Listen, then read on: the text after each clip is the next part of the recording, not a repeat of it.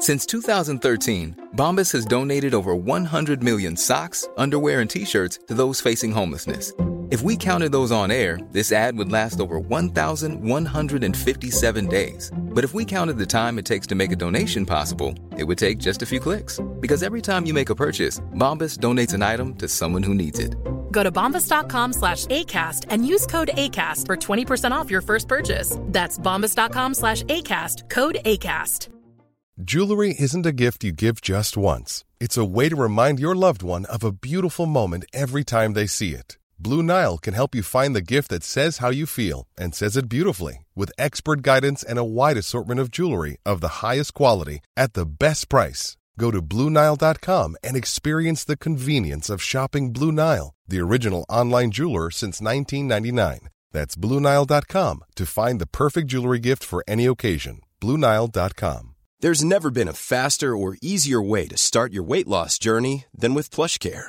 PlushCare accepts most insurance plans and gives you online access to board-certified physicians who can prescribe FDA-approved weight loss medications like Wigovi and Zepbound for those who qualify. Take charge of your health and speak with a board-certified physician about a weight loss plan that's right for you. Get started today at plushcare.com slash weight loss. That's plushcare.com slash weight loss. plushcare.com slash weight loss.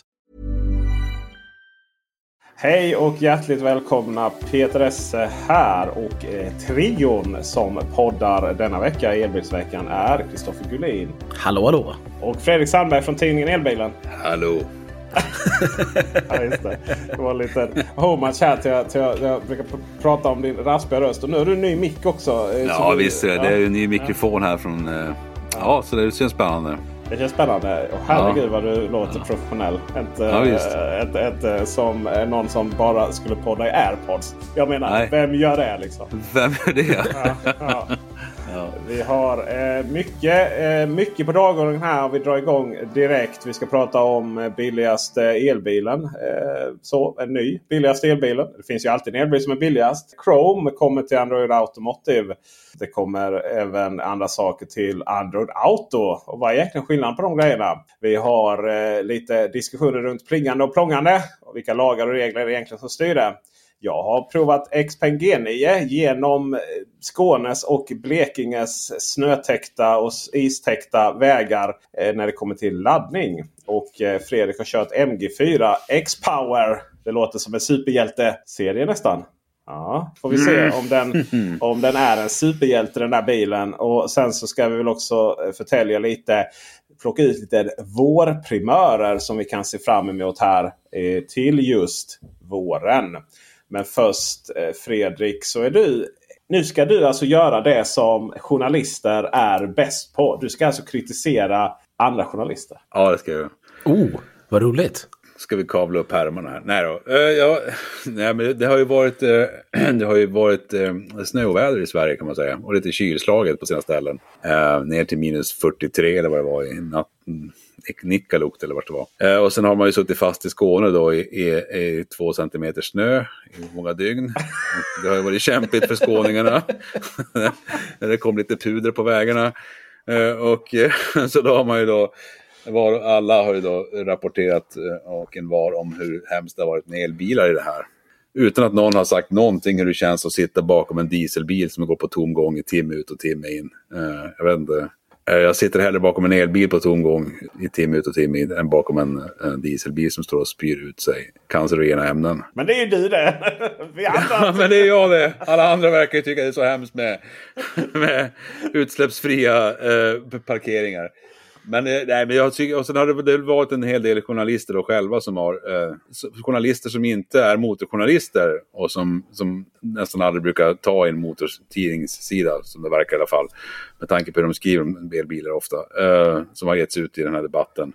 Björn Wiman var ute på Dagens Nyheters kultursida och skrev någon, något blommande om Tesla-pappor som var helt väldigt eh, märklig artikel. Som egentligen tror jag handlade om landsbygdens eh, eh, problem. Alltså att, man inte, att det inte finns några, något liv och, eh, på landsbygden. Att det inte finns några eh, serviceställen och laddstationer och vad det var. Eh, men sen var det här Jonas Kanje har, har ju också klev också ut som, alltså Sydsvenskans chefredaktör klev ut och, och tog på sig motorjournalistkostymen och hade en massa åsikter om sin Tesla då som gick sönder när han var på fjällsemester. Och att hans, att hans värmesystem pajade blev plötsligt en riksnyhet. Jag vet inte, det är någonting som är konstigt med det här för att, ett, att en bil går sönder är ingen riksangelägenhet. Men här blev det ju det. Hans luftvärmepump eller vad man har kanske har en direktverkande el. Jag vet inte vad han har för någonting. Jag vet inte vilken... vad, jag, vad jag förstår så var det den gamla utan eh, luftvärmepump. Vilken modell? Var det ny eller var det en trea? En, eh, det är väl trean. In har ju, Ja, det är trean. Ja. eh, In Ja, har ju precis. värmepump. Men Ja, den första trean av generationen 2019 eller vad det nu är. Nej, exakt. Innan, det, innan 2021. Den hade ju PTC. Eh, då var det ju liksom det. inte värmepump. Då var det en, en fläkt och en, en brödrost typ. Ja, typ. Jag har alltid Ja, undrat vad. PTC-värmare är. Alltså, det är alltså en brödrost och en fläkt. Alltså. Ja, exakt. Ja, men det är det här. Den går ju lätt sönder har vi ju hört. Eh, Det är ska jag säga, att min har gått sönder. Jag har ju en sån. Ja, precis. Och jag har ju varit med om det där. Och eh, så att eh, när jag var med om det där så... Det var ingen som stod, det stod inte på Expressens första sida. Nej, det gjorde inte det. sönder. Nej, det gjorde inte det. Okej. Att min... Dåligt. Nej, nej, dåligt tycker jag. Men det, det jag har varit med om det tre gånger att jag har fått ringa Teslas servicecenter eller så här akut service som de har. En gång i Kalifornien faktiskt när jag fick eh, punktering där. Så ringde jag Teslas servicecenter och då kom de och hämtade mig med en tra- alltså en sån här bärgningsbil. Plockade upp mig där och så åkte vi till närmsta Tesla-station i Los Angeles. Och lämpade av mig där. Det var när jag körde Tesla Model 3 Performance. Jag tror jag var det första svensk som körde den faktiskt. Från eh, Gigafactory Nevada, öknen där, ner till Los Angeles. Och eh, då small det på vägen där utanför Los, Las Vegas. Det var en ganska spännande historia för att eh, det dök ju upp någon konstig bil som ställde sig precis bakom mig när jag stod på den lilla parkeringsfickan. Det såg väldigt suspekt ut. Och efter ett tag så kom det en polispatrullbil och tvärnitade, och körde in och frågade mig om jag visste någonting om den där bilen. Nej, sa jag. Och då försvann den när polisen kom. Så det var ju lite spännande grejer där i vilda västern. Men, nu, nu får jag iväg här lite grann i min story. Men, eh, men, men hur som helst så har du varit med också om eh, att eh, den här min luftvärmepump gick sönder. Inte luftvärmepump utan min, PTC. min brödrost gick Ja, sönder. Och, brödrost, ja. Ja, exakt. Och då gjorde jag samma sak och då kom, det var, då kom de och hämtade bilen också. Och jag fick en, en, en dieselkärra i utbyte som jag kunde köra hem med. Vilket var hemskt. För det var en, och sen har jag varit med om det en tredje gång. Och det var när jag fick punktering uppe i, utanför Harads i Norrbotten. På väldigt krokiga vägar. Small det. Och jag ringde samma, gjorde samma sak där och då kom det också en bärgningsbil och hämtade mig. Jag förstår inte vad han... Sex timmar körde han i, utan, i minus sju grader. Så här var det ju. Att eh, PTC-värmaren brast igen då för fjärde gången. Eller om det var femte på den här bilen. Och eh, där någonstans så får man väl säga att eh, det Jag tycker det är fascinerande om typfel. Alltså vad är ett fel? Och vad är, vad är eh, Audin jag hade där eh, gick eh, sensorn eh, sönder för just känna av värme eller kyla eh, två gånger. En gång när det var som varmast och en gång när det var som kallast. Det var alltså helt fel tillfälle att de skulle gå sönder. Och då slutar parkeringsvärmaren fungera.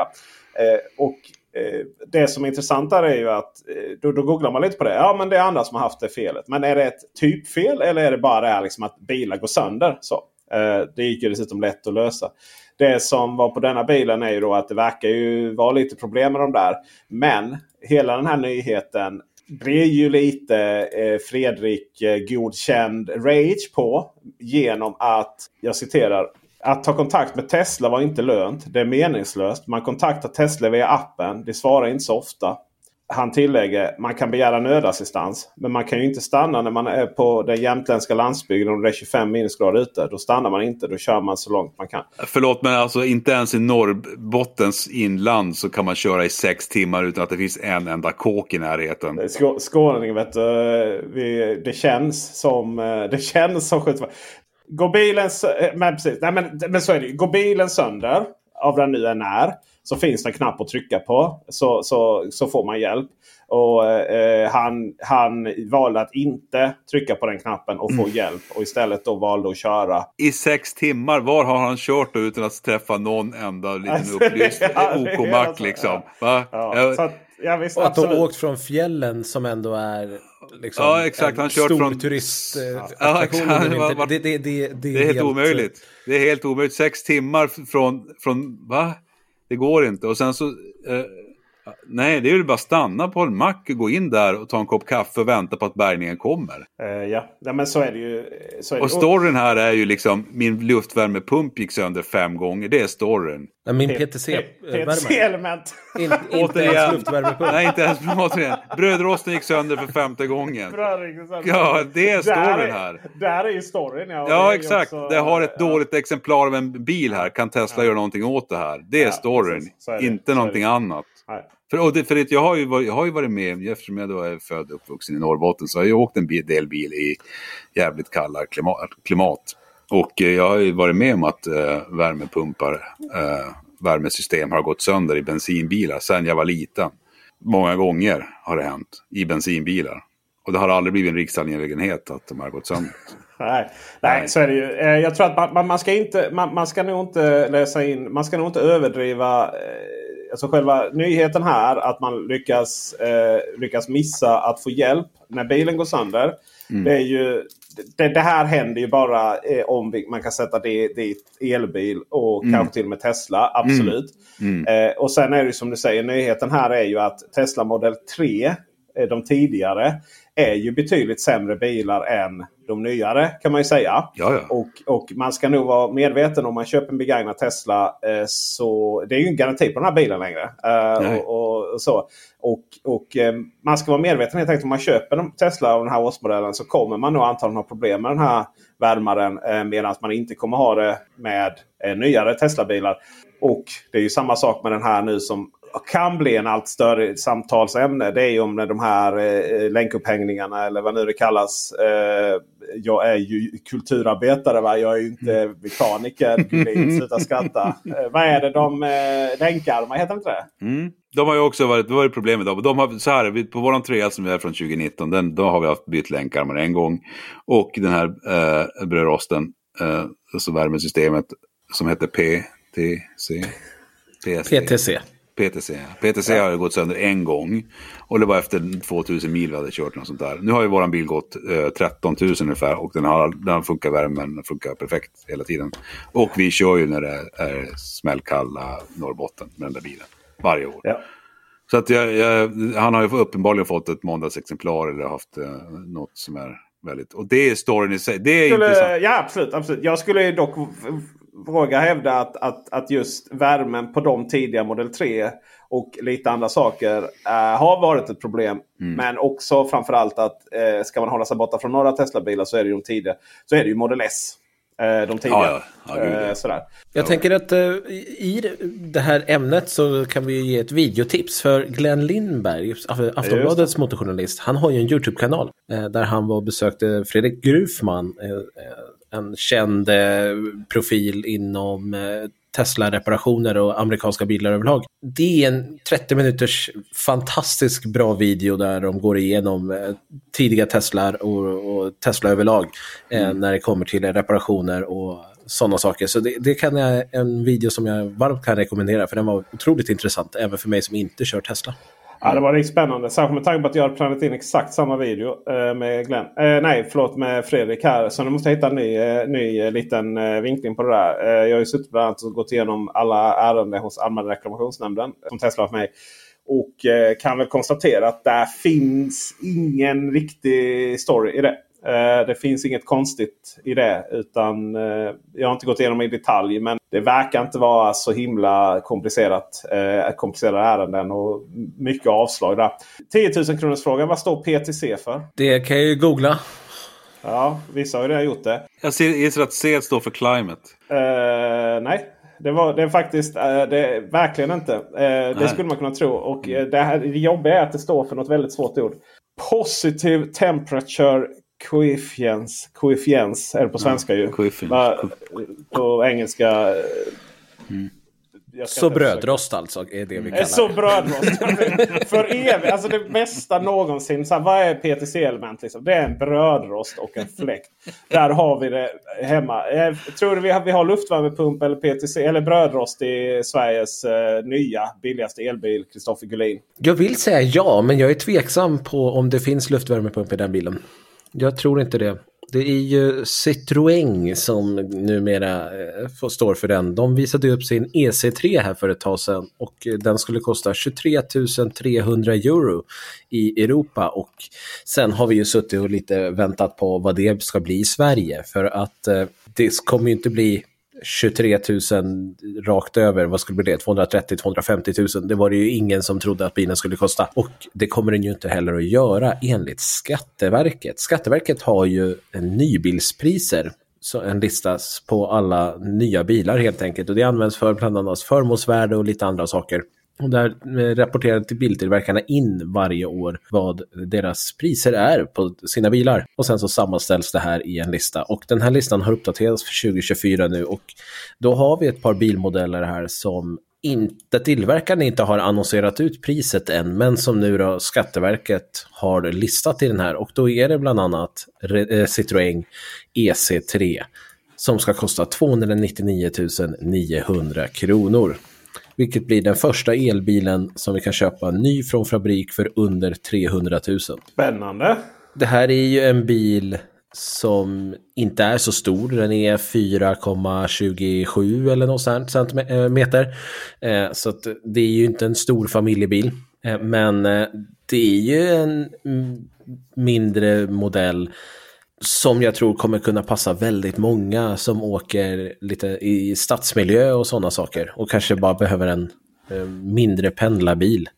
Eh, vi har ju ännu inte sett den i Sverige än. Och jag hade hoppats på att de skulle vara med på Ecar Expo men det såg inte ut som att Citroën är med där. Eh, så att vi får väl vänta lite till. Citroën har ju inte ens annonserat ut priserna eh, själv som sagt utan det här kommer ju från Skatteverket. Är det här den andliga uppföljaren till Renault Zoe? Renault Zoe har ju varit den här bilen du köper om det inte finns någonting annat. Det, det har ju varit Nissan Leaf eller Renault Zoe som vi har köpt om det inte har funnits budget till någonting annat. Och där någonstans har man ändå rekommenderat Renault Zoe tänker jag. Eh, I och med att Leafen börjar bli väldigt trött. Jag tror att det här blir en, en av många Renault Zoe-ersättare. Det kommer ju fler i det här segmentet. Ja, precis. Både från Volkswagen och från Tesla och från hela... Fast Volkswagen är ju långt, långt borta. Ja, jo för sig. Det är sant. Men eh, nej, men eh, de kan nog kanske ta en position här. För den här platsen behöver ju fyllas. Och eh, frågan är om den är tillräckligt billig och tillräckligt bra. Vad man ska pendla, vad säger 1500 mil per år. Eh, vad köper man hellre? En bägga, diesel för 30 000 och kör den tills den är slut? Eller köper man en sån här? Alltså det är 300 000 är ändå mycket för en pendlarbil. Fast alltså, eh, vi har ju som sagt, både Nissan Leafs har ju köpts in, det är många som har köpt Zoes, det är många som har köpt BMW i3. Jag tror absolut att det finns en marknad för det här. Och just att det är ett europeiskt bilmärke tror jag också är en vinst för många som inte vill köpa kinesiskt. Väldigt spännande att köra den här, om den är liksom sådär mjuk och trevlig och, och, och härlig att köra. Liksom, som... Tittar man på bilderna så ser den ju ja. liksom riktigt trevlig ut. Den har ju till ja. och med förardisplay. Det är mm. i en billig bil. Tänk att det, det går alltså. Det, det var det ju ingen som visste. Även om den inte är så stor så det finns den där. Känga till stackars Volvo där. Eh, jag vill också förtydliga varför jag säger att Volkswagen inte riktigt är där. Det är ju alltså att man bokstavligt talat inte är där. Utan Volkswagen ID2 eh, beräknas väl komma ut på marknaden i början av 2026. Alltså, eh, Eh, vi kommer ju prova den innan säkerligen men just att börja säljas där i början av 2026. Det är jättelångt till dess. Det har inte gått så bra för Stellantis vad, jag kan se i alla fall att låsa in elbilssegmentet här med sina men här, här, här kanske de har chansen då att peta, leta sig in.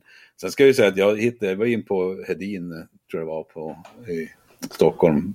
Och då sålde de en, en Opel Kors, en ja, vad heter den? Opel Corsa E. Ja. För 280 000 som hade gått 500 mil eller vad Ja, jag vet att den gamla Opel Corsa E nu, den kan man få för ganska bra pris. Mm. Eh, nypris på den är strax över 400 000 eller sådär. Mm. Men de tömmer ju lagret nu när den nya Corsa E är på väg. Och apropå Opel så kommer ju de även med eh, Opel Astra som eh, elbil här nu. Även de eh, priserna blev ju, ska man säga läckta är väl kanske fel ord. Men även de priserna är med här i Skatteverkets tabell, vilket betyder att Astra eh, i elbilsform borde komma under 2024 det i sig är väl så här, fine. Det som är intressant här det är ju egentligen Opel Astra ST, Sports Tourer. Mm -hmm. Det är alltså en kombi.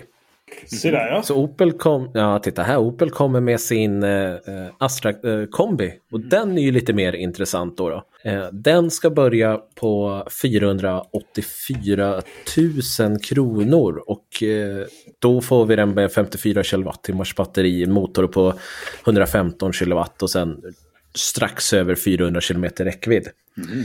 Alltså jag måste bara om man skulle slå upp så här, normativa ryggradsreflexer i Svenska Akademiens ordlista. Då hade det stått Se svenska motorjournalistens reaktion så fort ordet kombi nämns i elbilssammanhang.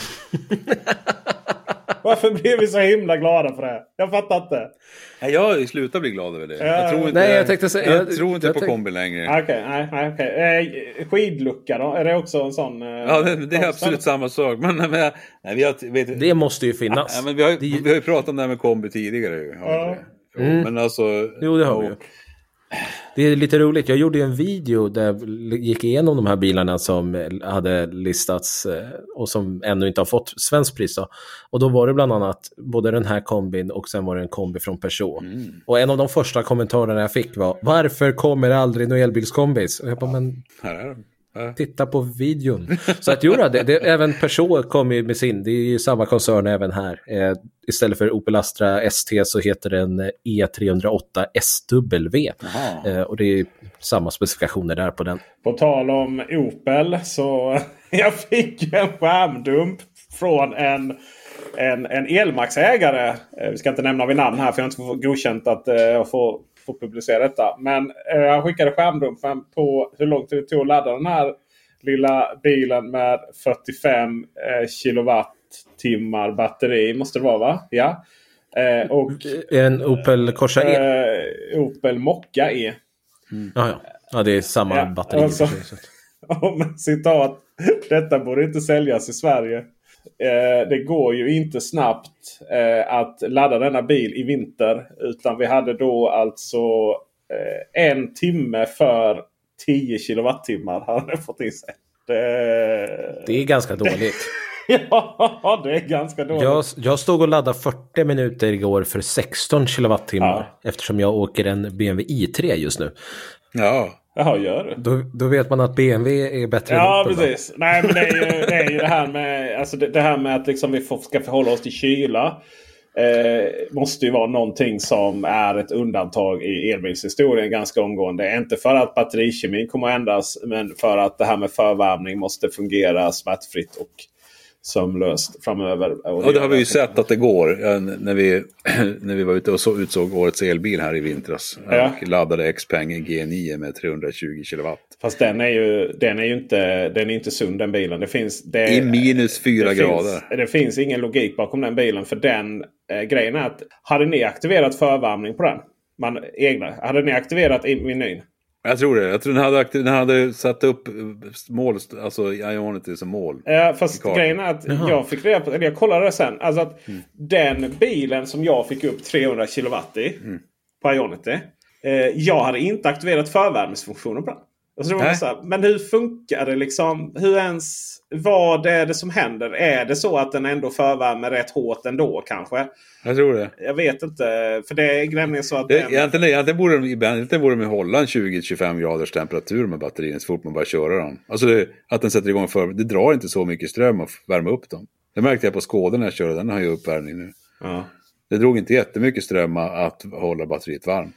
Q8 gör ju det till exempel. eh, Men det, det är inte tillräckligt för att den ska eh, ändå. Eh, så- Nej, den, Nej, den Men ju... vi, vi ska faktiskt återkomma till de bästa vinterbilarna framöver här nu. Jädrar vad det springer iväg. Vi har inte ens kommit till, igenom här. Eh, så att vi marscher, marscherar igenom nyheterna här i ganska så mycket eh, snabbt. Och det är mina allihopa här så att ni får avbryta mig om ni har några frågor här nu. Jag ska, alltså ni, ni två här, eh, ni som lyssnar. Det är svårt att avbryta. Då får ni pausa i podden. Och sen får du gå in på elbilsvecka.se och skriva där. Det är lite fördröjt. Och så funderar du varför det tar lång tid. Lite fördröjning där. precis. Eh, så här va. Eh, bilar som är baserade på Android Automotive. Eller som eh, Googles marknadsavdelning numera säger Cars with Google Built-In. Den får alltså webbläsaren Google Chrome. Och det betyder att först ut är Polestar och Volvo. Därefter sen så kommer övriga att få det också så som Rigan. Eh, Rigan är mitt favoritord för att säga eh, Renault Megane E-Tech. Så Riganen får den. Och eh, vad har vi mer för bara bra bilar. Vad har vi för Android Automotive-bilar mer? Eh, top of mind? Nej, det är väl dem. Är det bara dem? Det finns ju jättemånga som baserar sitt system på Android i botten. Ja, just Men Automotive tror jag att bara Google Polestar och Renault kör med. Eh, så är det ju. Och dessa bilar får också möjlighet att eh, ruttplanera via Google Maps på mobilen och sen bara skicka till Send to Car och så sätter du dig i mobilen och så är det klart. Att det här ens är en nyhet och inte var inbyggt från första början är frustrerande Galet. i sig. Ja, Men det är, är det. skönt att det äntligen är på G. Ja. Det kommer också lite till utvalda bilar. Eh, det är ju så att det är många bilar på G här i detta. Eh, så för att de har, eh, det finns en hel lista på typ känns som att alla biltillverkare hoppar på tåget. Volkswagen ska ju också göra det här framöver. Så vitt jag vet. Då, finns det vissa då. Crunchyroll, det är en sån här japansk anime streamingtjänst. och så står det Selected Cars. Det står Selected Cars på då Eh, Chrome. Uh, men vad det inte står Selected Cars på, utan att det bara står att det kommer. Det är, håll i nu, The Weather Channel kommer in i dessa bilar. Grattis till er alla! Och man noterar också att det här är väldigt, väldigt eftertraktat. Och jag vet, mm. Det måste vara någon sån extremt amerikansk grej. The Weather Channels. De har typ monopol på det där. Liksom. Ja. Eh, så är det. Och därefter sen så inte att blanda ihop då med Android Automotive eller mm. Cars with Google Built-In. Så finns ju också Android Auto. Android Auto är ju det vi då får upp på skärmen i bilar som inte är Android-baserade. Eh, så mycket i alla fall så att de får heta Cars with Google Built-In. Eh, utan vilken bil som helst som har stöd för Android Auto då kan vi få upp eh, vår Android-telefon upp på skärmen. Antingen trådlöst eller via USB-C. Det är ju då motsvarigheten till Apples CarPlay. Här nu så kommer funktionen att denna, eh, om vi använder Google Maps i Android Auto, alltså via vår mobiltelefon och få upp på skärmen då, mina vänner, så kommer den kunna känna till batteristatus på bilen. Alltså hur mycket batteri vi har och hur mycket batteri vi kommer ha i bilen när vi kommer fram. Vilket gör att den kan ruttplanera och sätta dit då laddstationer via navigatorn eh, om, eh, via Google Maps via Android Auto. Så då behöver vi inte använda bilens navigator om nu den är crappy eh, istället. Fråga. Nej, mm. den förvärmer inte. Fan. Vad jag vet.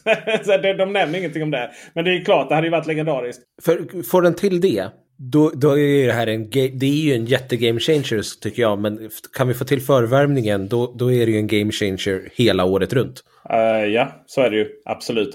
Uh, för det är många bilar som man använder helt enkelt uh, Google Maps i eller CarPlay kartor eller Car, Apple CarPlay kartor.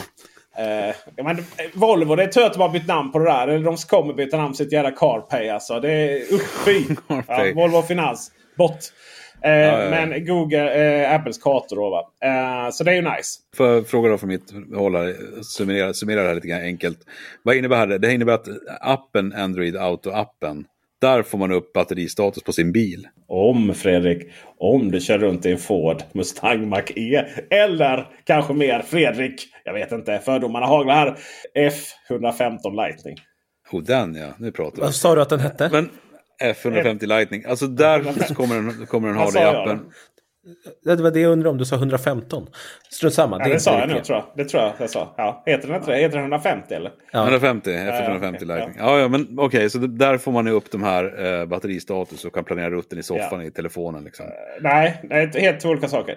Eh, planera, eh, alltså planera rutten i soffan kan du göra med din, eh, din Android-telefon om du vill koppla upp den mot eh, dessa två bilar.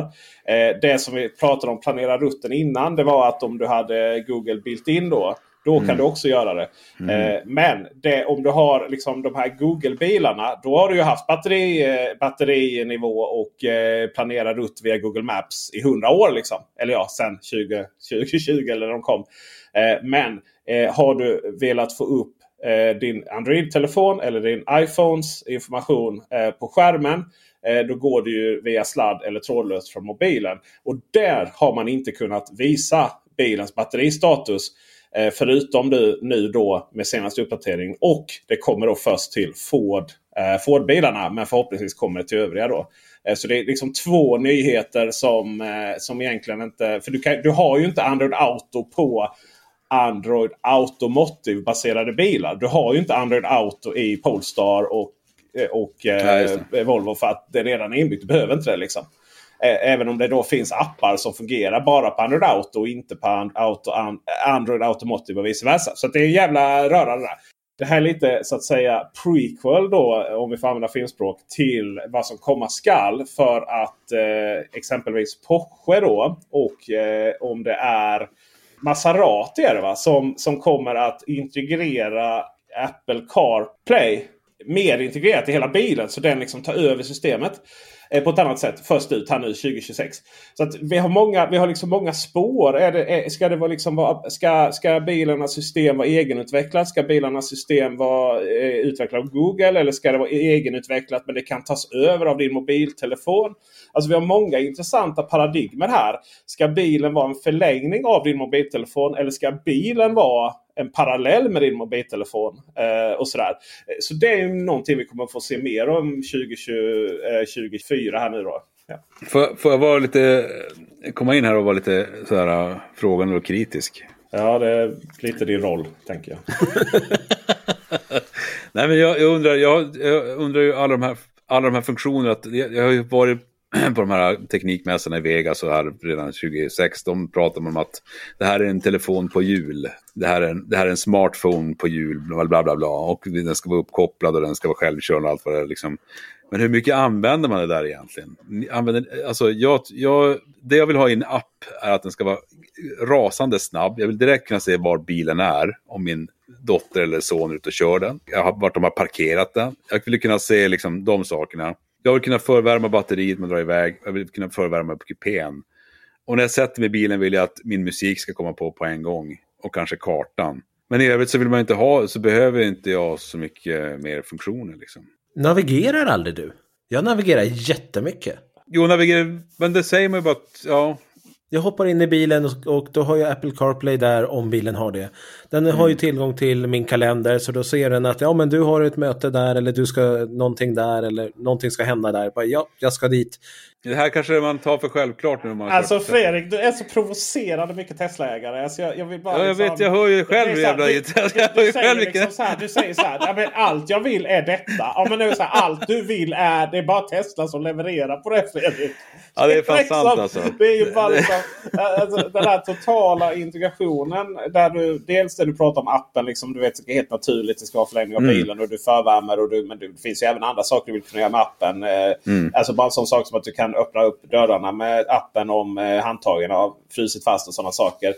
Stå och öppna frunken, stå bagage. Alltså, ja, ja, ja. Sen, sen, är det ju, Teslan behöver ju sensor för att sparka under. Men alltså, grejen är att du, du, du har ju vissa bilar som kommer nära vissa av de här sakerna. Polestar har ju ett väldigt smidigt system sen när du sätter dig i bilen och så. Eh, bra navigator. Alltså jag skulle säga Google-lösningen är ett av de bästa. Ja, ja den är så, fantastisk. Ja. Där, alltså. Skillnaden där också är att de har alla laddpunkter. Det har inte uh, Tesla. Nej, Tesla. Absolut, absolut, absolut. Det, Men alltså grejen är egentligen så, det, egentligen så klarar man sig med sin telefon. Det, det som jag älskar, en bil som jag jag är svag för så low-tech bilar. Ja. Jag tyckte Dacia Spring var helt underbar. Alltså, med sin mekaniska handbroms. Alltså, det var fina grejer. Två, eller om det var en stjärna gjorde en, en kappe, kommer inte ihåg. Eh, men det hade Maxus T90 EV också. Ja, så att, eh, du får skaffa den. Ja. Men, eh, Nej, men en annan, en annan sån där var ju e-app när den kom. I en andra vända kom ju e-app. Volkswagen skramlade ihop lite batterier som hade över och gjorde e-app igen. Och då, fick man, då, kunde man ha sin, då hade man ju sin iPhone som man ställde i, i liksom, de hade ett fack, ett liksom fack för den som man ställde ja. ner i iPhonen. Så, så använde man Google Maps och de här funktionerna och styrde musik. Alltså i var, telefonen då? Liksom. Alltså själva ja. telefonen var det, det. Och det tycker jag, det, det, det, varför har man inte det liksom? Allt är ju i telefonen då liksom. Fast, varför, fast är, det, är det inte ändå smidigt att du har din telefon, du har allting där och sen när du lägger in i bilen då, då, då sker detta trådlöst. Så kommer din telefonsystem upp på bilen med de apparna du har. Oh, det, men det är precis, men jag tänker low-tech bil borde man ju kunna göra med bara en ja. telefon. Liksom. Jag tänker samma, det kanske, är en, ja. det kanske blir en eh, liksom, prisfråga sen.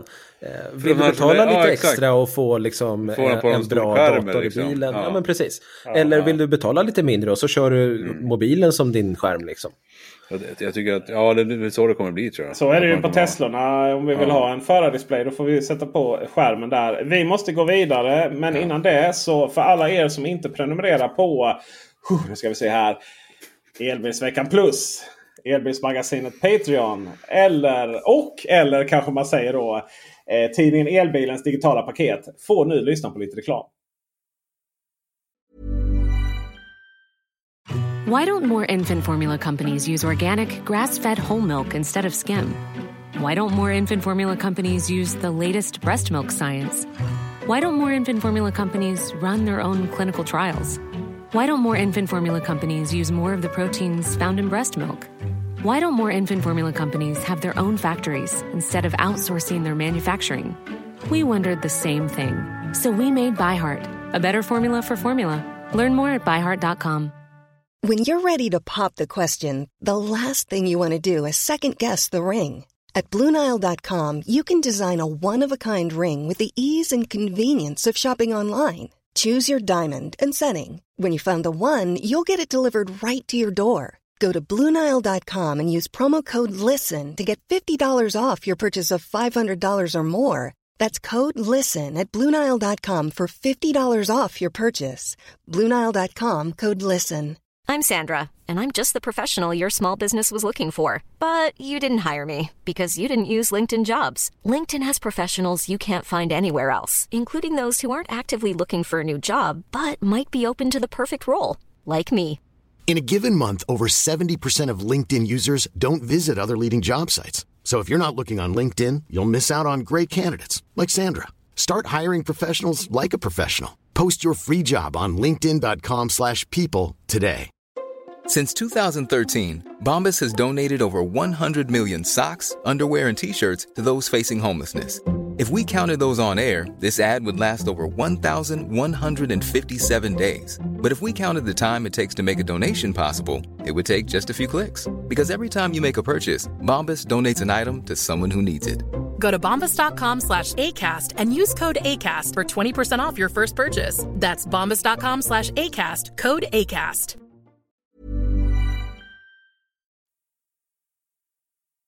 Oh, där är vi tillbaka.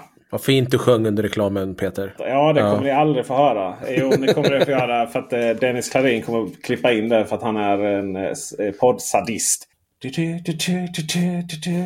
På tal om ljud och sadism då va, så ska vi prata om alla prångande och plingande och allting vad som händer i våra nya bilar här nu. Från och med 2024, sommaren 2024, juli. Så måste alla nytillverkade bilar ha obligatorisk kaffekopp. varnare. Nej, men den måste, eh, den måste ha obligatorisk varnare för att vi verkar lite trötta då. Och Det är ju någonting som oftast mm. brukar symboliseras med en, eh, med en kaffekopp. Eh, borde kanske symboliseras med en eh, mobiltelefon med streck över. Då, att, eh, på tal om mobiltelefon. Att vi, för det är ofta det vi tittar i dem och så går det lite eh, inte så säkert, trafiksäkert och då tror den att vi är trötta istället. Då. Vi har ju eh, linjeassistenter. Det vill säga att avåkningsskydd. Alltså det vill säga om vi kör över linjer så ska bilen korrigera oss tillbaka. Det är ju någonting som eh, Gullin har testat på Xpeng 001 här. Eh, som vi pratade om förra avsnittet. Eh, lite väl övernitig sådan. Eh, för så här på vintern framförallt så kan det ställa till det att de där de överkompenserar. Jag måste säga jag var med om samma sak med, med uh, Byd uh, Dolphin. Delfinen ja. ja. Medan jag höll på att köra med långtradare, det var snöyra ja. och så började den skulle styra själv. Och det var rätt obehagligt. Just det, mm. just det. Ja, det förstår jag. Det förstår. Eh, och det ska ju inte blandas ihop med eh, de här styrassistenterna. Att den håller sig på mitten på vägen. Då. Eh, det är inte lagkrav på det. Utan det är alltså att om vi, eller styrassistenten av någon anledning, skulle eh, köra ut, eh, ut eh, över, eller på väg att köra ut över en sträckad linje eller halvsträckad linje så, så ska den då korrigera tillbaka. Eh, slutligen har vi då den här, eh, kanske det värsta av allt då, att eh, de måste säga till om vi kör för snabbt. Och då är det alltså för snabbt en kilometer i timmen över. Och det spelar ingen roll om vi kör 31 på 30-väg eller Eh, 121 på 120-väg. Den kommer att säga till. Det som jag tycker är spännande runt detta då är ju att eh, det har pratats lite om den sistnämnda funktionen eh, som ju egentligen är kanske dilemmat då. Och vi ska också säga det att dessa grejer får stängas av temporärt. Men sen när bilen startar igen så måste, vi, så måste det vara igång igen. då. Och då har ju vissa biltillverkare är ju mer eller mindre bra på att sätta genvägar då för att vi ska kunna stänga av de här funktionerna snabbt. Och framförallt då så är det den här eh, hastighetsöverträdelsevarnaren som är eh, de flesta är bra på att skapa genvägar för att vi ska kunna stänga av. Då. Då har det varit lite samtal då, eh, i olika Facebookgrupper för folk har börjat googla på det här nu. Och det finns eh, lite dokument som visar att det här med ljud det är egentligen valfritt. Utan att biltillverkarna kan välja mellan eh, visuell varning. Alltså att det blinkar då i skärmen. Eller heads-up displayen eller vad det kan vara. Nej, skärmen måste det vara faktiskt. Heads-up displayen är en eh, grej som inte... Eh, det, det, är bara frivilligt där. Det måste vara i skärmen. Det måste vara ty, tydlig framför föraren. Och det är väldigt tydligt. Det måste vara väldigt tydligt i förarens synfält. Vilket gör att om det skulle kunna vara så att Volvo och Tesla kan åka dit för det faktiskt. Ja, det var det min tanke var nu. Att... Ja, men så är det. Absolut. Det, det är ju en spännande grej. Som man kan råda mer om. För det roliga är ju att Teslan har ju en uppdatering nu som om vi inte tittar på vägen så säger den till direkt. Den kollar på oss på kamerorna då. Och om man tittar ner där den varnaren är för hastighetsöverträdelsen. Då kommer den säga till att du ska fokusera på vägen. Så Teslan tycker inte att du fokuserar på vägen när du får information om hastighetsöverträdelsen. Nog om det. Det är en annan video eller podd. Eh, I det här dokumentet då står det att antingen visuellt eller ljud, alltså att det börjar plinga. Eller force feedback då. Gammal eh, spel, eh, tv-spelsgrej eller sådär. Eh, det händer någonting med handkontrollen när vi spelar tv-spel så här det vibrerar. Att detta kan man då göra via gaspedalen. Alltså att det börjar vibrera där. Att tänk på att du kör lite för fort. Och det är ju faktiskt en ganska, det är faktiskt en ganska smart grej. Så man har dem och sen en kombo då av ljud och visuellt. då. Men Eh, efter mycket om och men liksom när de här förslagen sen blev verklighet. Så det står också i de här förelagarna att eh, vi tror då att eh, det är betydligt säkrare om det alltid kommer ett ljud. Det räcker inte med det visuella. Och mycket riktigt är det ju så. Det där kan ju stå där och blinka lite. Det ser man ju inte, tänker man inte jättemycket på. Men om du har ett pip hela tiden så, så hör du ju det. då. Och i slutresultatet då så finns det bara de två varianterna. Och det är då att eh, först visuell varning. Eh, men har du visuell varning så måste ljud också komma. Eller så har du då ljud eh, bara. Eller så har du då... Eh, du kan också ha bara force feedback då. Alltså du känner av i, i gaspedalen. Men den får inte kombineras med farthållare. Hur många bilar har vi utan farthållare? så, så, att, du vet, ja, för om det kombineras med farthållare så håller vi ju inte, håller vi ju inte liksom, mm. pedalen, pedalen, på. på. Så, så, så, det där har liksom inte folk byggt in då. Eller det har inte biltillverkarna byggt in. Eh, men det har nästan varit det häftigaste faktiskt. Man kör där i 30 och så känner man liksom att oj, nej det här gick lite fel. För man, liksom, det är viktigare att köra korrekt hastighet utanför en skola i 30 än vad det är att man råkar köra 122 på en 120-väg faktiskt. Så där ligger reglerna. Det som är intressant här nu är att hela det här lagförslaget kretsar runt det faktumet att man vet inte någonting överhuvudtaget hur det här kommer påverka, påverka någonting. Det är sällan man läser lagtext eller vad nu vi kallar EU, EU-direktiv e som går ut på att vi vet absolut ingenting om detta. Och därför så ligger det också i att berörda myndigheter och EU-myndigheter eller organ eh, ska då redovisa detta till lagstiftarna eh, senast sommaren 2027. Och sen var femte år så kommer man liksom uppdatera detta för att anpassa då till säkrare europeiska vägar. Och jag är inte helt alltså jag är lite så här. Eh, och, och, detta kommer man då baseras på anonym data som kommer från biltillverkarna. Och då är det lite så här. Det här är min fråga till er. Ni får gärna gå in och kommentera på eh, våra forum, sociala medier eller vad ni vill. Om nu det visar sig att hela Europas befolkning stänger av hastighetsvarnaren så fort de ställer sig, sätter sig i bilen. Kommer man då 2027 fatta nej det här är ju ingen som vill ha. Eller kommer man lagstifta och säga nej ni får inte stänga av. Jag tror att man kan hitta ett mellanting. Den varnar vid 5 km i timmen. När du ja. har gått över gränsen. Så om du kör 45 istället för 41. Det tror jag inte alls skulle vara lika irriterande jag kan acceptera att den varnar en kilometer i timmen på 30 vägar och till och med 40 vägar. Men 50, då vill jag nog upp till 55. Och Frågan är varför den ska varna överhuvudtaget på motorvägar. Det är ju sällan du inte vet att du kör för snabbt och det är våra absolut säkraste vägar. Liksom. Dessutom är ju, uh, kör man ju inte 50 när man kör 50. Dessutom är det ju så. Så att egentligen borde det vara när man kör 55 då, för då kör man en kilometer över ungefär. Eller 53 eller vad det blir. De är ju, det är ju alltid, man kör ju långsammare än vad hastighetsmätaren visar. Det är väl lagkrav på det tror jag till och med. Mm. Det brukar vara en till tre kilometer skillnad. Ja, exakt.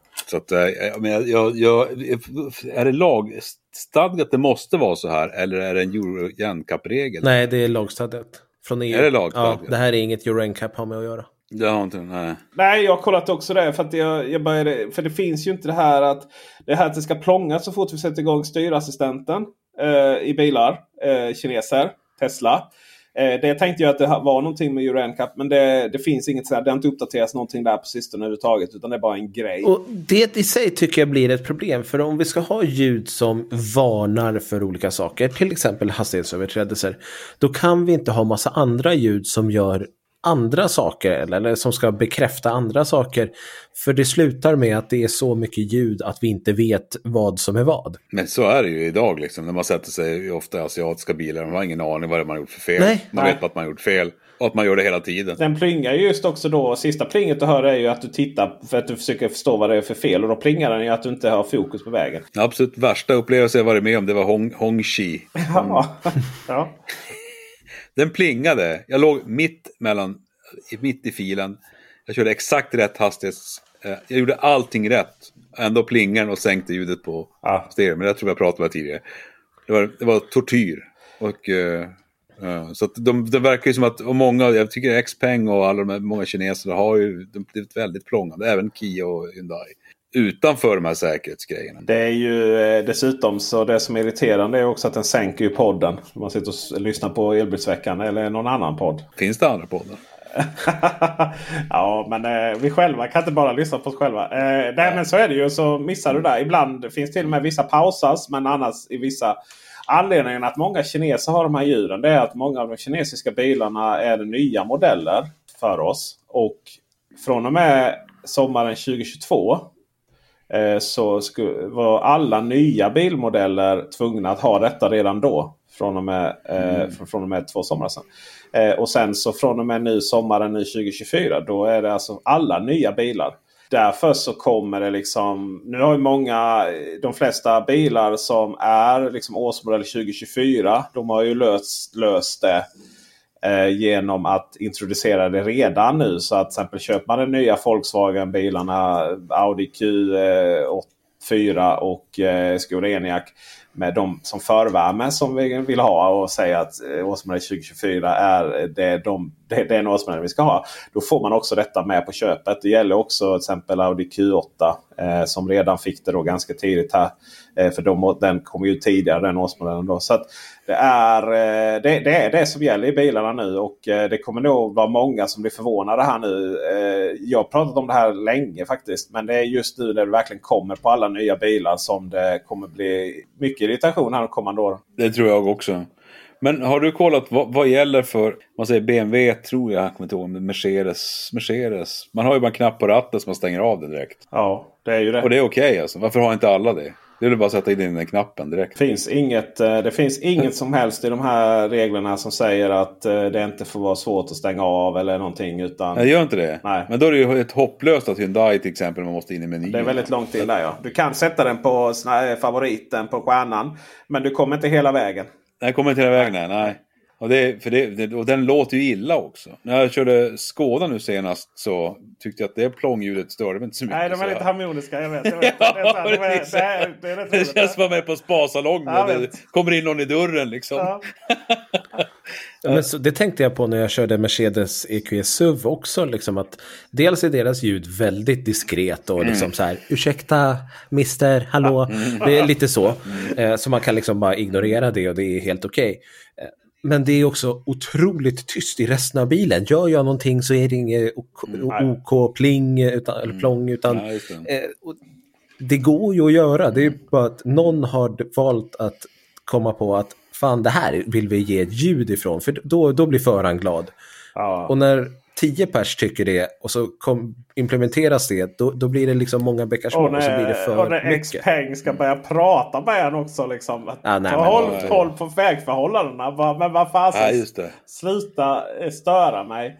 Ja, Gör det själv. Ja, liksom. vi, och vi, med det ska vi också gå över till Xpeng G9 Eh, Eh, jag har varit och testat eh, en gång för alla skulle jag se vad Xpeng gick för när det kom till laddning. Då eh, han faktiskt inte med den förra gången jag hade den. Utan jag tog en härifrån Bilia i Malmö och eh, körde då till eh, först prova på 400 volts laddare. Då. Detta är en 800 volts bil. Och det betyder ju att den måste spänningsomvandla. Och spänningsomvandlare då är det de som sätter effekten, inte laddaren kan jag säga. Och sen så på, körde jag då till 800 volts laddare och se vad jag skulle komma upp i då. Och slutligen skulle jag prova dem på respektive Tesla version 3 och eh, version 4-laddarna. När, vad funkar och vad funkar inte. Och jag kan säga det är ju precis som du har kommit fram till Kristoffer Gullin så är ju Xpeng G9 på 400 volts laddare inte en sekundmeter över 85 kilowatt. Nej. Det, där fastnar den direkt. Och Eh, så är det ju. Så det spelar ingen roll hur snabba de här 400 volts laddarna är. Då.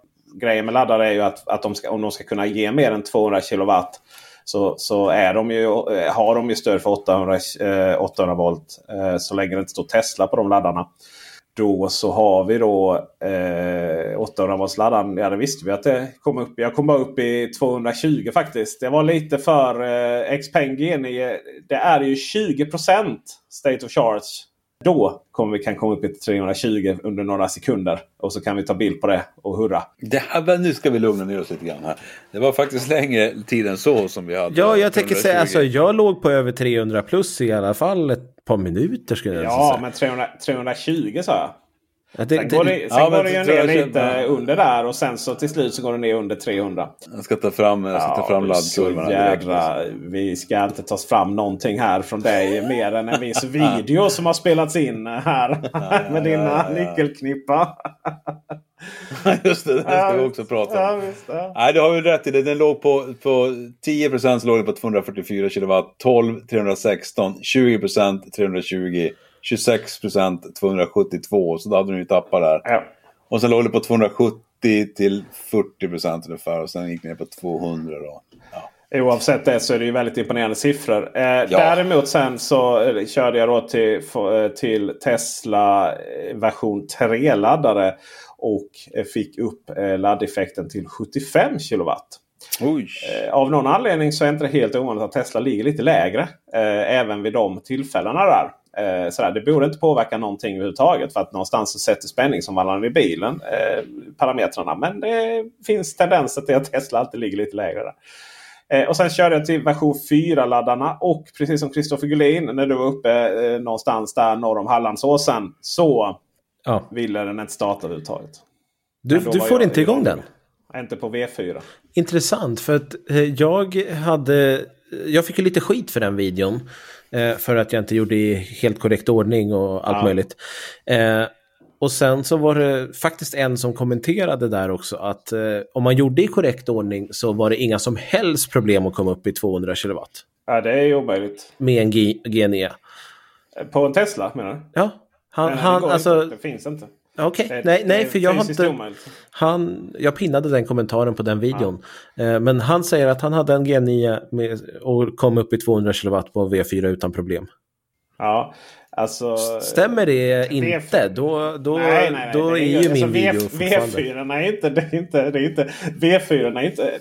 Folk hittar ju på. V4 är inte... De, de stödjer inte högre spänning än vad, än vad version 3 gör för studden. Däremot hårdvaran på version 4 stödjer ju... Ja, det är ju samma mjukvara i 3 och 4 nu. så, ja. Precis, så att, ja hyfsat. I och med att eh, det är lite konstigt det där. För att eh, Tesla, Kia-bilar, EV9 verkar fungera bra på 4 men inte på 3 och sådär. Jättetokigt är det ju. Det är också helt hål i huvudet att vi har de här diskussionerna. Men poängen är i alla fall att eh, eh G9... Eh, en annan sak jag märkte var också att G9 var känslig för just som du tog upp det här vilken tur man gör saker i eh, när det kommer till eh, Tesla V3-laddarna.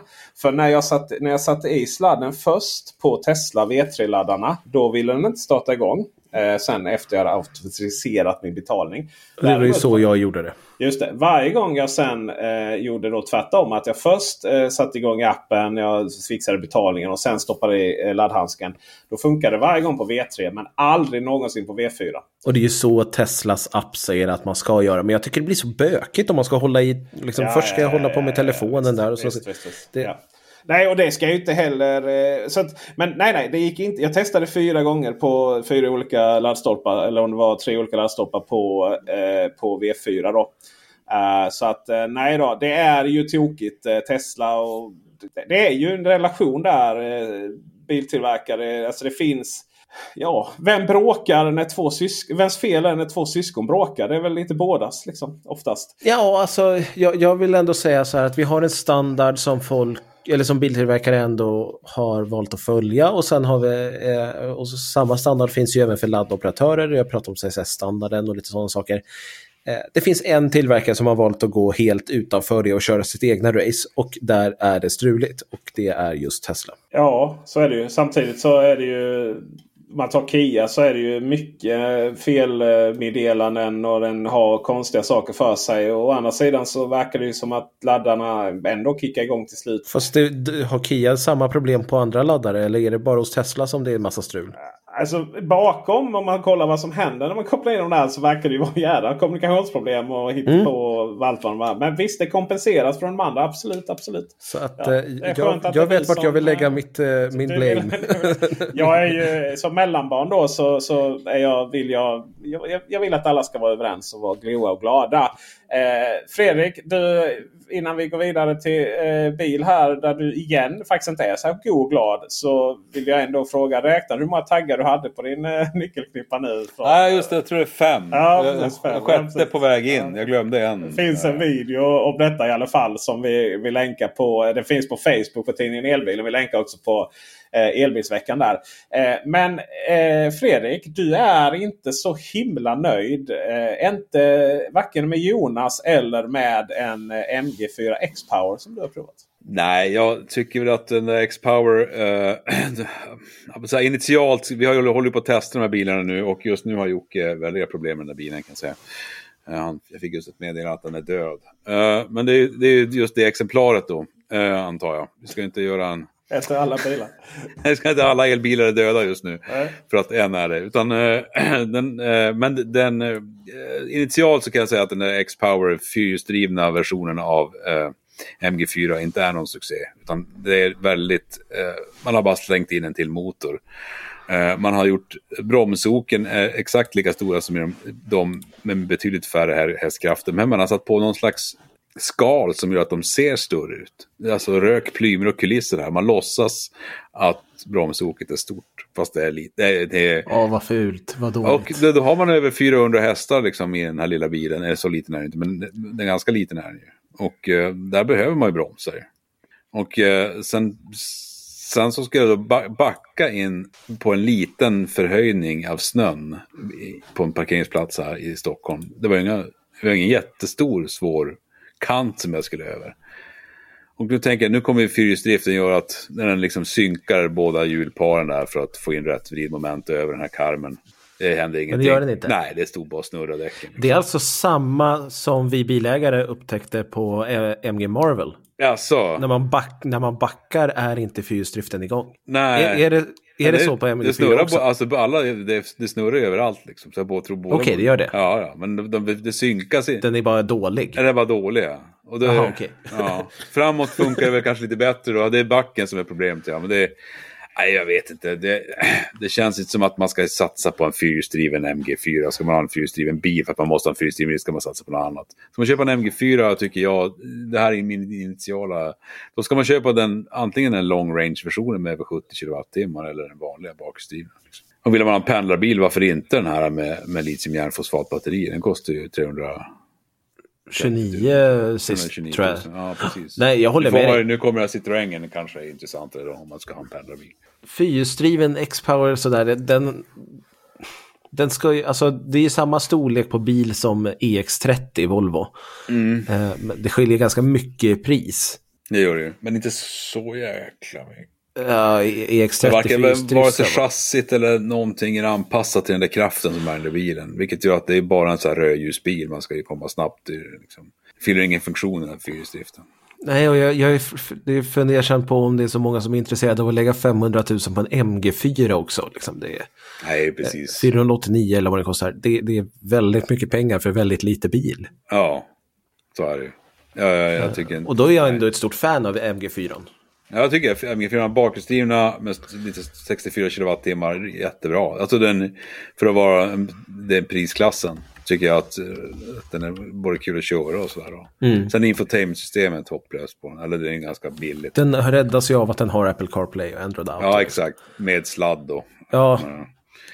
Men visst, absolut. Ja, det var tråkigt. Ja, jag, jag vet inte. Jag, jag är inte imponerad så här långt. Och sen var det, det finns en rolig video snart på vår Facebook-sida när Jocke försöker gasa eh, med alla dessa 400 plus hästkrafter när han har 10% kvar av batteriet. det händer ingenting. Det är inte så mycket effekt kvar då alltså? det var väldigt roligt. Men, eh, men eh, liksom hela relationen här till vi pratar om det är ju för att MG4 någonstans är den här. Ja, det är kanske den som har varit lite Renault Zoe-ersättaren då. Alltså mm. det handlat mm. om. Det skulle jag nog säga. Jag har sett väldigt många här i Stockholm Uppsala-området. Ja, och, eh, och så va. Och, och det är ju det är ju inte den bilen man tänker att oj nu, nu känner jag att jag behöver fyrhjulsdrift och lite extra. Nej, Nej man, ska inte, man ska inte hålla på med den där bilen man ska ha fyrhjulsdrift ska jag säga. Uh, jag kanske ändrar mig sen. Man får läsa i nästa nummer av elbilen när vi, när vi har sammanställt allting, vad som gäller. Men uh, så här långt tycker jag inte det är värt det. Men som sagt, eh, MG4 vanliga är, är faktiskt inte tokig. Och den är laddar ju jäkligt bra också.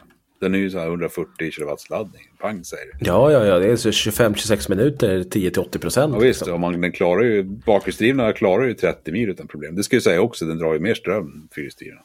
Såklart. Ja.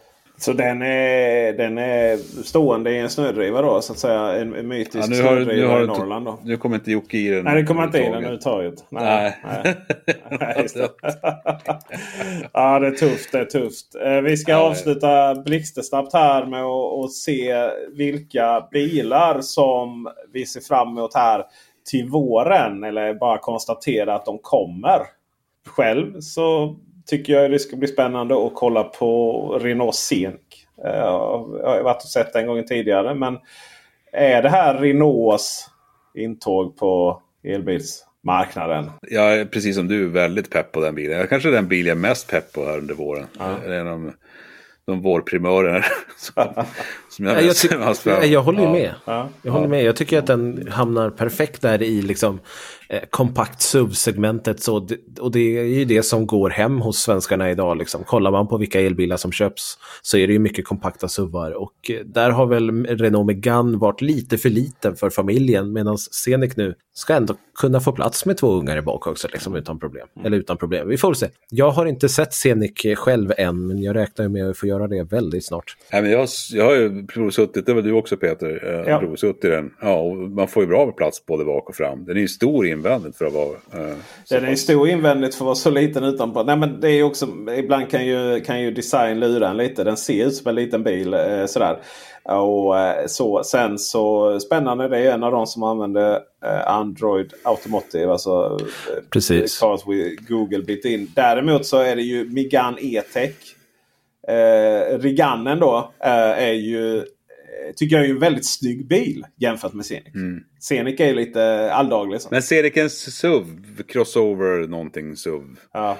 Det, vad som är vad ska, äh, i det här bara, bara ut och se. Men alltså den är, ju, den är ju, det är svårt att göra en SUV snygg. Förutom det att den kör äh, Android Automotive så, på en stor skärm i mitten så har den ju också klimatet på liksom, knappar som är trevliga att använda. Mm. Jag, jag, tycker att interiören i, som Renault kör med nu är den funkar.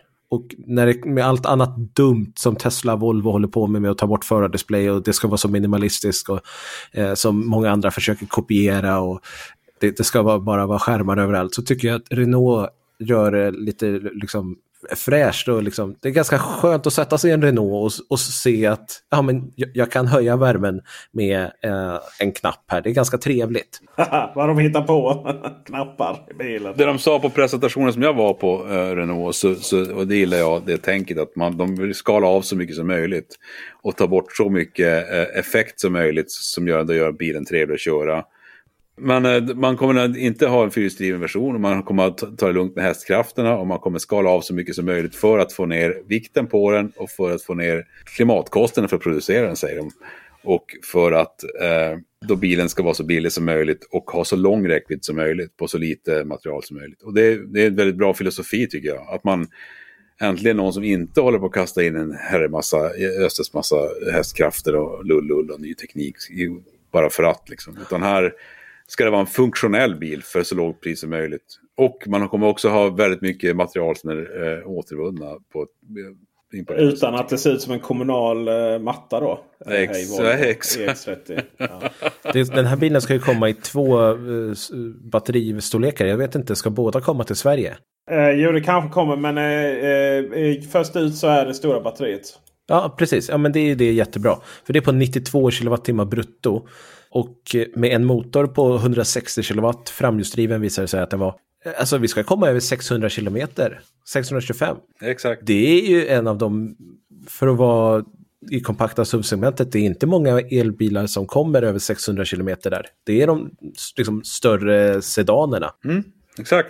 Exakt, och det är för att man har, man har liksom skalat av så mycket man bara kan. Man har ju 160 kilowatt eh, motor. Eh, sådär, så att det, det, är ju en helt annan... Eh, det, det tar ju kanske lite den här eh, marknaden eller så där, där Volkswagen instegen för ID4 var där mm. ett tag. Mm. Eh, så här, den har biffat upp, eh, biffat upp motorerna lite och sådär. Eh, men eh, spännande bil och det, det, är liksom inget design. Det är inget fel på den. den är, jag tycker jag gillar Renaults nya designspråk. Den, liksom, den bara är där på motorvägen. Eller den bara på motorvägen också. Den är där på uppfarten och bara gör sitt jobb tror jag. Det ska bli intressant att köra den. Ja, mm. lycka till och kör försiktigt. Eh, kommer det bli intressant att köra Byd Seal U då, Fredrik Sandberg? Ja, jag ska ju dit nästa vecka då till Portugal och köra den bilen. Ja, fint. Uh, mm, jag hoppas ju på, jag har ju alltid liksom varit pepp på Byd. Sen 2008 när de hade sin modell E som de visade upp. Uh, som aldrig kom till Europa. Ah. men var, den tror jag inte ska vara så kul att köra idag. Men, uh, nej, men Byd är de har ju dragit ifrån och är ju världens största elbilstillverkare nu. Hittills har ju ingenting imponerat på mig. Jag har, även fast jag har velat att det här ska vara bra. Liksom. Så, och de har ju tagit fram en ny plattform, 800 volt, järnbatterier och den här Blade-batterierna och allt det här. De har ju imponerat på mig, men deras bilar? Ja, de, absolut, men bilarna är ju inte, och batterierna är inte de heller så mycket. Men den här silen verkar ju har ni kört den? Nej. Nej. Jag tycker att och, jag tycker ni underskattar Bydato 3. Nej, får du, alltså nu, nu, nu går jag ut i rummet snart. Nej, det gör jag nog inte. Jag tycker att det finns bättre bilar man kan... Men den är väl rätt skön? Nej, fan. Alltså. Jag tycker rätt att komfortabel är... i stan. Nej, det är en. I stan? Den är för mjuk. I stan möjligtvis. Jag kan hålla med att den, den känns ganska rapp och kul i stan. Ja, det är exakt. Mm. Och så kostar det ingenting också då jämförelsevis. Men ja, det är ju ja. supersubventionerat och leasat. Nej, ja. nej, nej. Alltså om du skulle, om du skulle köpa den för någon form inte en bil man ska köpa. skattade pengar så är det ju... Nej, det är ju, det är ju baserat nu på privatleasingpriset här vill jag göra för till mm. protokollet. Mm. Nej, men jag, nej, jag tycker inte att Atto 3 har, har, det, har, det gav ingen glädje. Inte, och inte den här Dolphin och inte... Nej, inte oh, det gav ingen glädje i livet. Nej. Har du, men har du kört vanliga si, alltså sedan Nej, det har jag inte gjort. Okay. För den ser jag mer fram emot än Seal U. Jag är så, jag bör, jag är så less på alla suvar. Jo, så är det. Eh, Men, äh... Alltså Sealen i sig, den tycker jag ser riktigt mm. nice ut. Och just det här att, det har vi pratat om tidigare, att den har LFP-batterier mm. på 82 kilowattimmar. Ja, liksom. Bara det är så varför heter alltså. de, eh, alltså varför, het, varför har de gjort på detta viset? Att de har För att en, ett företag som heter Build Your Dreams inte kan namnge saker. de har ju misslyckats från start. Okej, okay, men alltså... Atto 3 är ju den lilla, lilla halvsub, eh, mini... Ja, kompakt-SUV. Kompakt mm. ja, som, som har dragtema då. Mm. Eh, och sen så har de ju, de har ju några tidigare också. Men det är enfasladdning och allmänt, eh, allmänt eh, de tänker vi inte på. Eh, och sen så är ju Dolphin då, det är ju den lilla, lilla, lilla hemtjänstbilen då. Mm. Eh, I någon form av... Eh, den är väl mindre än ID3 va? Mm, det är den nog ja. ja. Alltså någon form av... Eh, så, så stor som Golf var när den var liten. Så att säga. Ja, ja ganska... Ja, jo. Ja, ja. Eh, och, sen så, eh, och sen så är det då Seal då som är sedanen. Och sen så har vi Seal U då som är en eh, SUV i någon form av... Eh, vad är den för storlek? Är den eh, också lite ID 4-klass eller den större? Eller? Jag tror att den är större. Den ska väl vara lite mellan eh, SUV Ja. tänker jag. Den är längre typ än, 4,5 eh, meter, 4, 5, 4, 6. Eh, 4, 4 8 fick jag fram här nu. Och är faktiskt då... eh, Då börjar den faktiskt bli ganska stor. längre än... Den är ju alltså någonstans så när jag jag tänker på Volvo XC60 eh, så tänker jag ju på en delvis stor bil då. Alltså större än de här mellansuven. Det är ju XC60 är väl någon form av mellansuv då. Men det ska då det konstateras här eh, på vi bilägare som jag googlar upp lite snabbt. Att den är 8 cm längre än just Volvo XC60. Och därmed 4 cm längre än Tesla Model Y. Så att, ja. Men man skulle säga att, att du har bytt CLU är ju en direkt konkurrent till, eh, till Model Y då. Och även Renault Sceniken. kan man väl säga. Någonstans så tror jag att de tre bilarna aldrig kommer ha liksom Oj, ska jag köpa Model Y, Seal U eller Renault Scenic? Alltså jag tänker att det är Tänk helt när Renault. Scenic eller en Tesla Model Y kan de ställa sig mot varandra. Liksom. Det kan jag mycket väl. Det Ja, tror jag mer tror på. Jag nog fan. Folk är less på att alla jävla grannar har en Model Y. Liksom. De vill ha ja, den ser likadan Ja, ut. Ja, ja. precis. Ja, kanske, kanske så ja. Och kan de leverera på Eh, räckvidden som de har sagt och att den ändå inte, inte är alltför tråkig att köra med framhjulsdriven. Kan de sluta göra framhjulsdrivna elbilar, tack så mycket. För övrigt. Men... Eh, så varför inte liksom? Du är så hatig Fredrik. Ja. Det är hemskt. Eh, ja, vi har ju två andra eh, lite mer... Eh, alltså nu är vi inne på lite finare restauranger här. Frågan är vilken av dem som är finast då. Eller vem som vi ser fram mest emot. Då. Jag vet ju vad Jocke hade sagt här, din kollega här på tidningen Elbilen. Men eh, Audi Q6 och Porsche eldriven Macan. Vi har ju faktiskt inte kört båda, men vi har kört eh, Q6. Han ju, körde ju Tibor. Och Jocke har provåkt eh, eh, Porsche med Macanen. Ah, jag vet inte, det, ju, det kommer ju vara eh, två rysligt bra bilar. Eh, och, eh, men bara den ena kanske, Porschen är ju lite bättre, lite snabbare, lite skönare i kurva.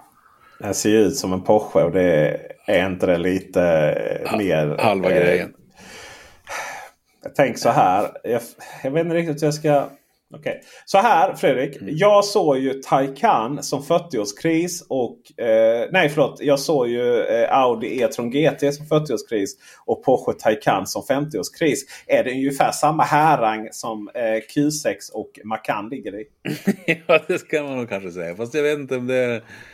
Ja, inte så mycket kris utan snarare som att kom och ge oss bilarna här nu. För vi har väntat rätt länge på de här familjesubbarna eh, som är lite modernare elbilsplattform än vad vi tidigare har fått se.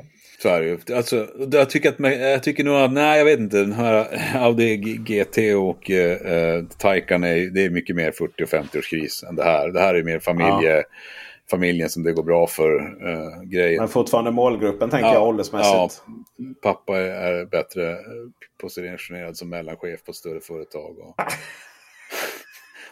Så, jag vet, det är ju inte vd-bilar riktigt. Då, det Nej, Cayenne nej, väntar vi på ska komma som medrivare. Men eh, jag vet inte, jag tror att det, det som är intressant med de här är egentligen tekniken i dem. Det är alltså de här 800 voltsystemen då som har uppdelade batteripack i två 400 voltsdelar. De nya motorerna som är mycket mer effektiva. De har kiselkarbid i växelriktarna. De har Du har, du har fått den tekniska genomgången här. Ja, ja. På, på det, jag, jag, jag, ska rekommendera, jag, vill, jag vill rekommendera alla att läsa Tibors eh, artikel om Audi Q6. Jag för förstår den- fortfarande inte exakt hur det fungerar när du har en bil vars batterier kan ladda både med 400 volt och 800 volts teknik. Eh, utan att liksom ha en egen spänningsomvandlare. Nej, det är coolt. Alltså, jag vet inte ens. Jag, jag behöver få det förklarat från någon, någon ingenjör någonstans. Det är Mm. den och hur Audis telefonbox fungerar som ska förbättra mottagningen. Det, den har jag fortfarande inte heller förstått hur det fungerar. Liksom. Okej. Det vet ni vad det kostar att förbättra mottagningen i garage? Det är liksom 40 000. Och då är det en frekvens på en operatör. Liksom. Men Audi, ja, de bara för, för, liksom för- förbättrar... eh, Ja, Men eh, Q6 är ju naturligtvis en bil som är mig kär. Eh, ser fram emot. Eh, ja, som Audi-kille. Jag vet inte. Ja. Men eh, ja, absolut. Men jag tycker tekniskt att de, här, de ska, att de fått, att de har fått till infotainmentsystemet, uppkoppling till telefonen. Allt det här skulle funka liksom perfekt nu. ja, det ska det förhoppningsvis. Men eh, det, det vad heter det nu som eh, Jocke var på Porsche där, så har de inte någon förvärmning av batteriet. Eh, någon knapp för det.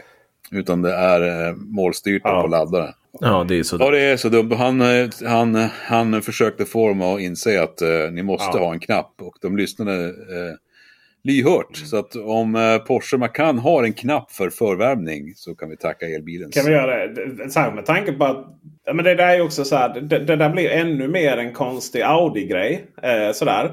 Att mm. eh, Audi Q4 då eh, fram till årsmånaden 2024 ingen förvärmning alls. Audi Q4 därefter har både jag vet faktiskt jag antar det bara med tanke på att Volkswagen har det. Både manuell och navigator igångsättning. Q8 i sin tur har inte eh, någon förvärmning överhuvudtaget. Men alltid klimatiserar batteriet så att det alltid i alla fall lite plusgrader. Eh, så, på, mm. ett, på ett sätt som typ inga andra biltillverkare jobbar med. Uh, så att den alltid är snabb förutom om det verkligen blir kallt. Eh, I gengäld drar det lite extra. Och, och sen kommer då eh, Q6 då som man antar kommer fungera exakt likadant som Macanen då. Eh, här. Och då är det bara navigator och inte knapp. Eh, ja.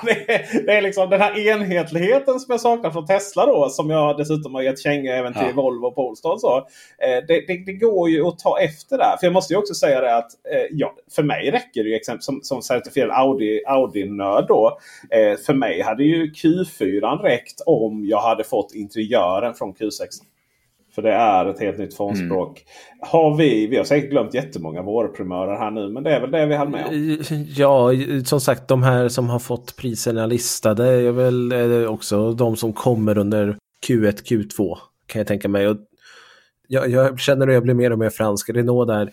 Opel, ja. Peugeot. Alltså Peugeot E308 är så fruktansvärt snygg bil, speciellt i den här skogsgröna. Vilken då? E308, Peugeot E308. Jag tycker ah. den är ah. skitsnygg. När vi är inne på Peugeot E308, E3008 kommer nu med 70 mils räckvidd och allt vad det är. Ja. Den är ju vår primör av rang ju, ska jag säga. För den ska jag nämligen åka och köra snart. Kommer det stora batteriet till Sverige? För, när, för när man läser på deras hemsida eh, på, under E3008 eh, produktsidan, då säger de räckvidd upp till 525 kilometer och det är det lilla batteriet. Nej, men jag har ju Peugeot.se här nu uppe faktiskt. Eh, och då står det eh, som tillåten räckvidd på upp till 700 kilometer. Hur blind var jag när jag tittade då? Fredrik Sandberg, du får, nu får du ta ditt ansvar som mentor här och, och när du provkör Peugeot och säga att eh, är det, någon, är det någon ni ska bjuda in här så är det eh, Peugeot-fanboy nummer ett, Kristoffer Gullin ja, här nästa gång. För helskotta, grabben måste ju få uppleva lite franskt. Ja. Bien sûr. Det har säkert ändrats. Ja. Det har säkert ändrats sen sist Kristoffer eh, Gullin. Eh, vi visste nog inte dina kunskaper när det kommer till att hitta på internet. Mm. Eh, naturligtvis. Och på tal om internet så eh, medan Kristoffer Gullin fortfarande ser helt perplext ut här vad han har missat. Så jag, jag hittar inte. Podden, ska, jag avsluta, ska jag avsluta denna podden eh, genom att konstatera att oss hittar ni på Elbilsmagasinet. Ni hittar oss på tidningen Elbilen och vi hittar oss på Peter Esse Youtube. Eh, och även på diverse sociala medier. Det gäller alla kanaler. Dennis Klarin var ljudtekniker. Ni kan alltså bli eh, prenumeranter här och därmed så undviker ni reklamen Eh, genom att prenumerera på tidningen Elbilens digitala paket. Eller, och, eller Elbilsmagasinet Patreon eller Teknikveckan heter den inte utan Elbilsveckan Plus. Eh, däremot så finns det en, en podd som heter Teknikveckan som ni också gärna får lyssna på om ni så vill. Ha det gott allihopa så hörs vi och syns vi nästa vecka. Hej!